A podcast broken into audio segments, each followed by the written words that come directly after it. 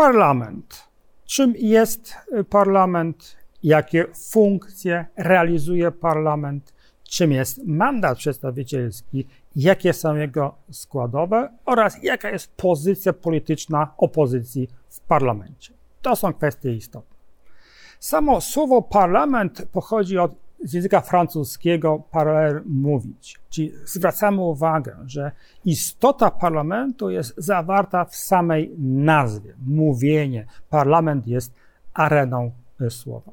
Jest kolegialnym organem przedstawicielskim. Organem, który powstaje dlatego, że suweren, będący źródłem władzy politycznej w państwie, z powodu oczywistych, technicznych chociażby, swojej władzy nie może na co dzień realizować na co dzień, wykonywać.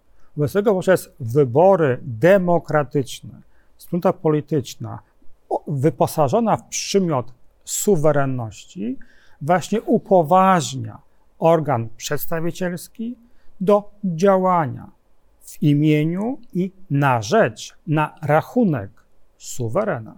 Zatem ta relacja, która zachodzi między wybierającymi a wybieranymi parlamentem określa istotę tego, czym jest parlament w państwach współczesnych. Jest właśnie formą artykułowania woli politycznej w imieniu na rzecz suwerena. Można powiedzieć, że w parlamencie jest suweren zgromadzony, że ustawa jako akt parlamentu, jako wyraz woli parlamentu jest aktem, przez który przemawia suweren, przemawia naród. I co istotne, ważne są konsekwencje tegoż przemawiania. To są konsekwencje prawnie wiążące dla suwerena. Czyli nie tylko, że parlament działa w imieniu narodu, ale też działa w taki sposób, że akty parlamentu są wiążące, to bezwzględnie dla narodu, na przykład poprzez ustanawianie podatków. Parlament realizuje różne funkcje. Funkcje, czyli cele działania. Pewien efekt ma być osiągnięty. Funkcje parlamentu możemy pogrupować w dwie grupy funkcji. Grupa pierwsza to są funkcje prawne parlamentu. Grupa druga to są funkcje polityczne parlamentu. Jeśli chodzi o funkcje prawne, to z nich dwie są uważane za kluczowe, za najważniejsze. Te dwie właśnie pierwotne funkcje parlamentu każdego, czyli funkcja ustawodawcza oraz funkcja kontrolna. Parlament jest ustawodawcą właśnie tworzy normy postępowania w sposób powszechny, w sposób ogólny, w sposób wiążący uczestników stosunków prawnych. Ten sposób tworzenia prawa w drodze ustawy, on musi być skorelowany z demokratycznością tegoż działania. Bo pamiętajmy, że ta funkcja przedstawicielska, ona właśnie ma swoje bezpośrednie, ścisłe przełożenie na sposób działania parlamentu. To nie może być sposób dowolny. To musi być sposób, w ramach którego można artykułować różne racje, różne poglądy, różne postawy. Ale w efekcie to parlament decyduje. Ale właśnie nim podejmie decyzję, musi mieć to spektrum przed sobą, spektrum poglądów, racji, bardziej obiektywnych, bardziej cząstkowych, dotyczących różnych społecznych, ale to wszystko musi być obecne w parlamencie, aby mógł dokonać rzetelnej oceny skutków regulacji i podjąć właściwą, konstytucyjną, efektywną decyzję. Przejawem funkcji ustawodawczej parlamentu jest funkcja ustrojodawcza. Mówię przejawem, bo ona też dotyczy tworzenia ustawy, ale ustawy szczególnej, zasadniczej w postaci konstytucji czy uchwalanie konstytucji, czy jej zmienianie, y, czy rewizję konstytucji. Czyli tworzenie tych e, ram ustrojowych państwa, ram dotyczących elementów politycznych, społecznych, gospodarczych czy kulturowych. Czyli tego wszystkiego, co jest kluczowe w państwie, co jest następnie jako wypełniane, konkretyzowane działalnością innych organów władzy publicznej. Druga kluczowa funkcja prawna parlamentu obok funkcji ustawodawczej, to jest funkcja kontrolna. Ona dotyczy kontroli nad egzekutywą. Czyli organ przedstawicielski jest kompetentny weryfikować, w jaki sposób egzekutywa wykonuje zadania jej powierzone. Czy czyni to w sposób prawnie przewidziany, czy czyni to w sposób rzetelny, gospodarny, celowościowy. I w ten sposób parlament rozlicza z działalności egzekutywę. W warunkach polskich rząd ministrów, agendy podporządkowane Radzie Ministrów. I jeżeli parlament jest niezadowolony z oceny działania rządu, wtedy uruchamia mechanizmy egzekucyjne w postaci odpowiedzialności politycznej. Odpowiedzialność w formie wotum nieufności czy wotum zaufania to jest rzecz drugorzędna. Ważne jest to, że jest ten mechanizm następujący po konstatacji, że Rada Ministrów czy ministrowie utracili zaufanie parlamentu. Obok tych dwóch prymarnych funkcji parlamentu, funkcji prawnych, czyli funkcji ustawodawczej oraz funkcji kontrolnej, wydzielamy funkcję kreacyjną parlamentu oraz funkcję integracyjną, inna jej nazwa funkcja europejska. Mówię, to są funkcje pochodne, bo one mają sobie pewne elementy dotyczące tych dwóch podstawowych funkcji. I tak funkcja kreacyjna dotyczy obsadzania urzędów publicznych pozaparlamentarnych, czyli powoływanie Rady Ministrów, wybór sędziów Trybunału Konstytucyjnego, czy Rzecznika Praw Obywatelskich, prezesa Najwyższej Kontroli, e, czy prezesa Instytutu Pamięci e, Narodowej. Czyli właśnie obsadzanie tym czynnikiem ludzkim urzędów publicznych. Z kolei funkcja dana integracyjna, na jej nazwa europejska, jest pochodną polskiego udziału w Unii Europejskiej i następstw tego tytułu wynikających. One dotyczą tak zagadnień ustawodawczych, jak i zagadnień kontrolnych.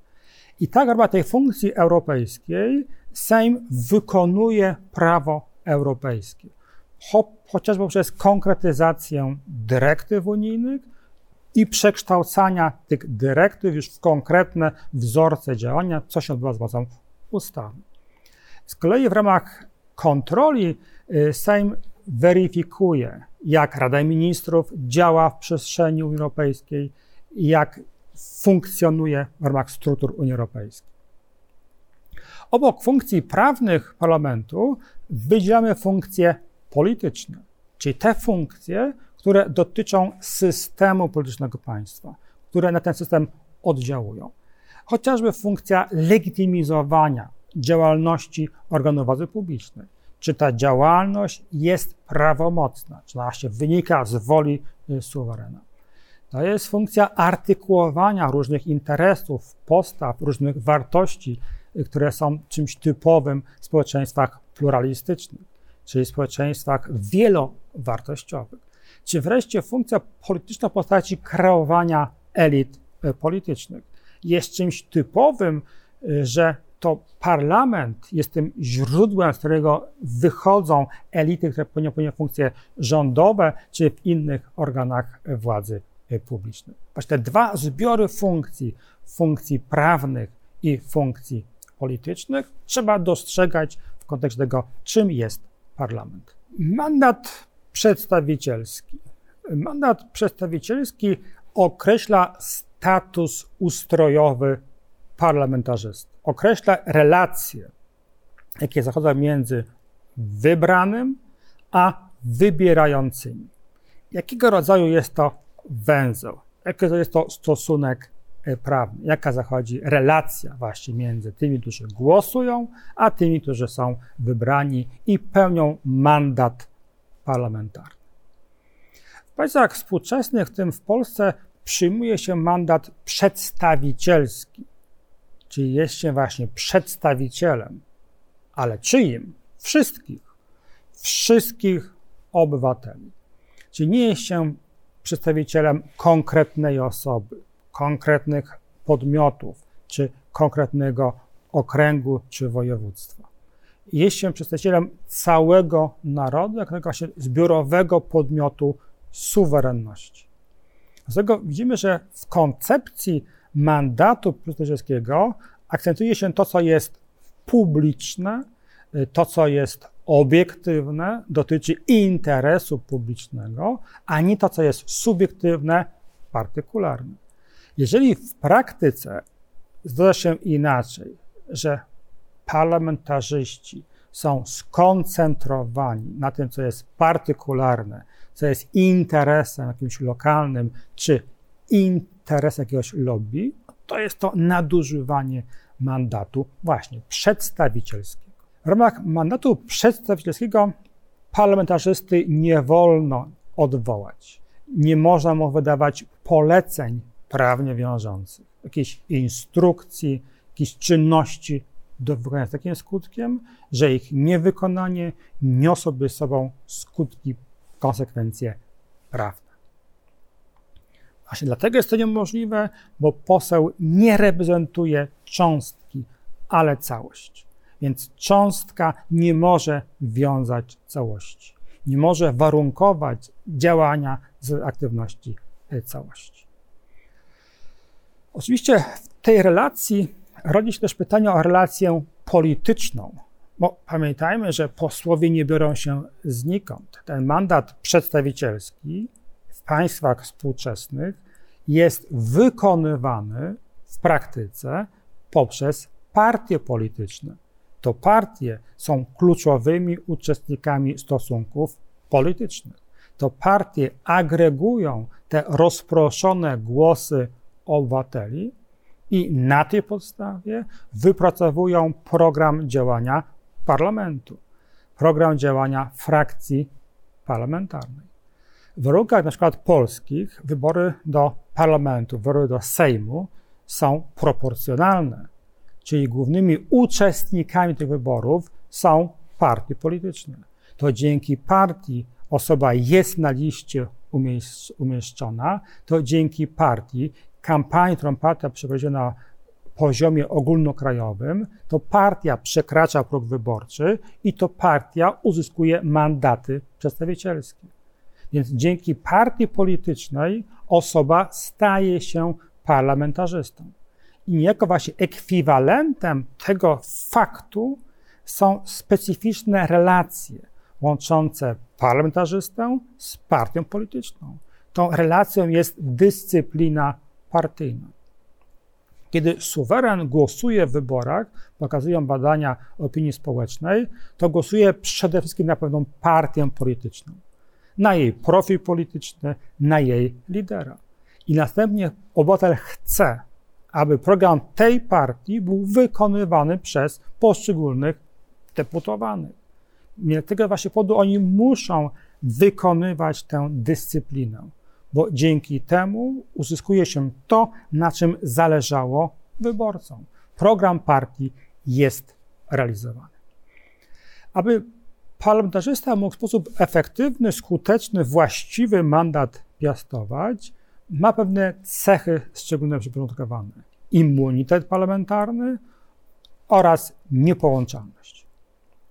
Immunitet jest pewnym przywilejem, który jest przyporządkowany parlamentarzyście, ale którego konsekwencje są istotne przede wszystkim dla parlamentu, dla efektywności jego działania.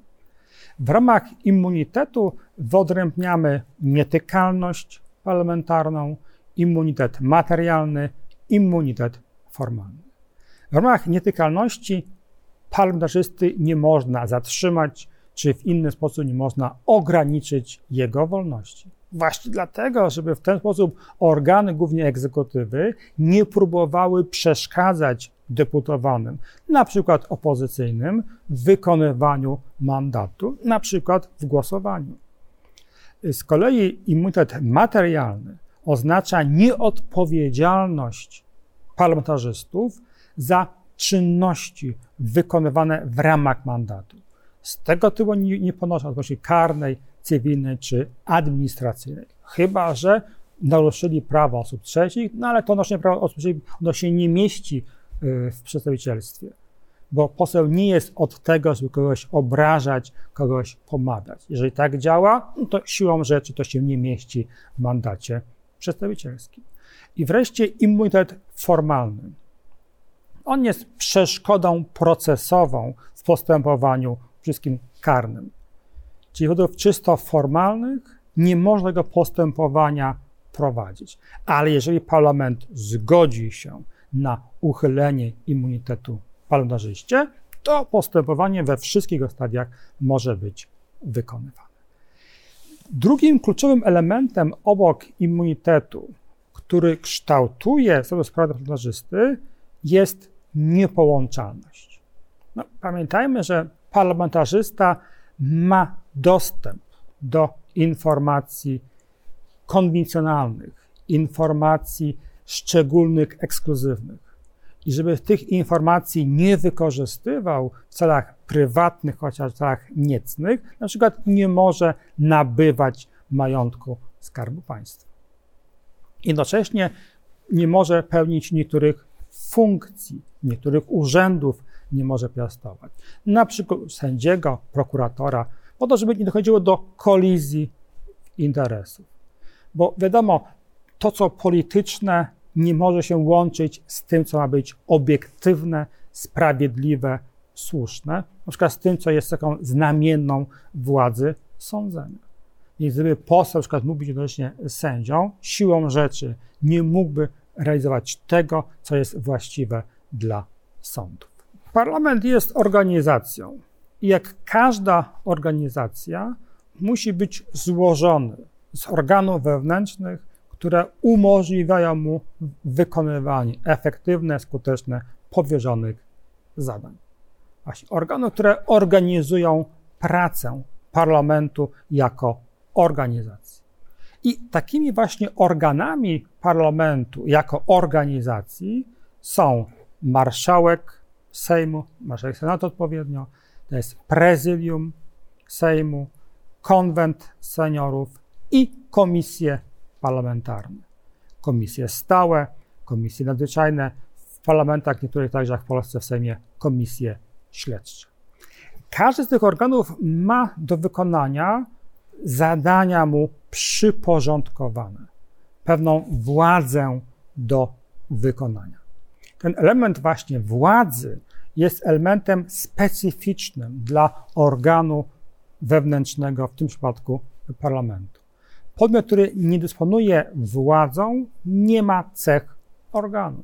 Na przykład z tego powodu organami Sejmu nie są wicemarszałkowie Sejmu, bo oni nie mają żadnych własnych kompetencji. Oni działają w zakresie kompetencji marszałka Sejmu. Na prośbę marszałka Sejmu, z jego woli.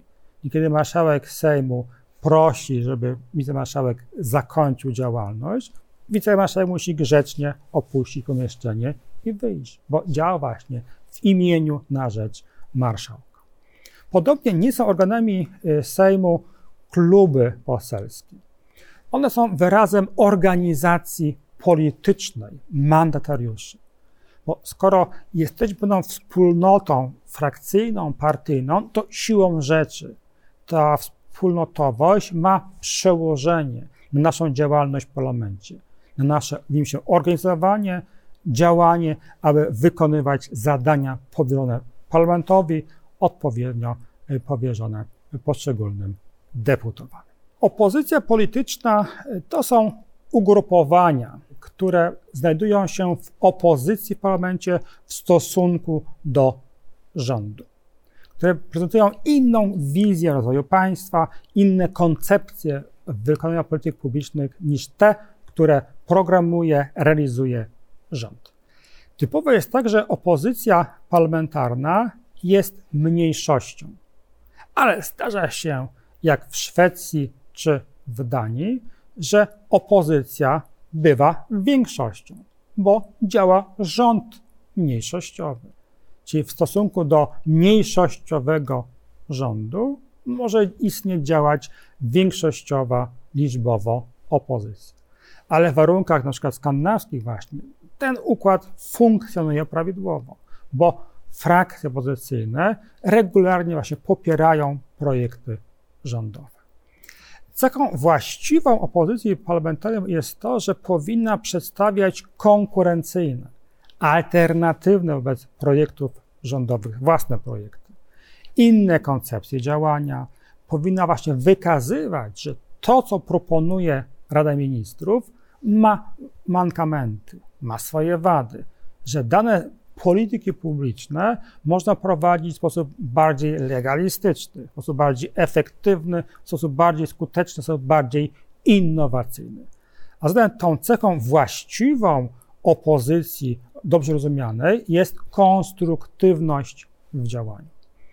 W niektórych państwach opozycja parlamentarna podlega prawnej regulacji. Na przykład Wielkiej Brytanii wręcz mówimy o opozycji jej królewskiej mości. Więc ona jest wkomponowana w system polityczny państwa. Docenia się, że nawet ci, którzy są w mniejszości, ale oni też wyrażają wolę suwerena. Też uzyskali mandat do działania w wyborach, wyborach demokratycznych, wyborach powszechnych. Więc tak samo jak deputowani w większości mają prawo, mają prawo wyrażać swoje poglądy, swoje opinie i wpływać na pracę parlamentu.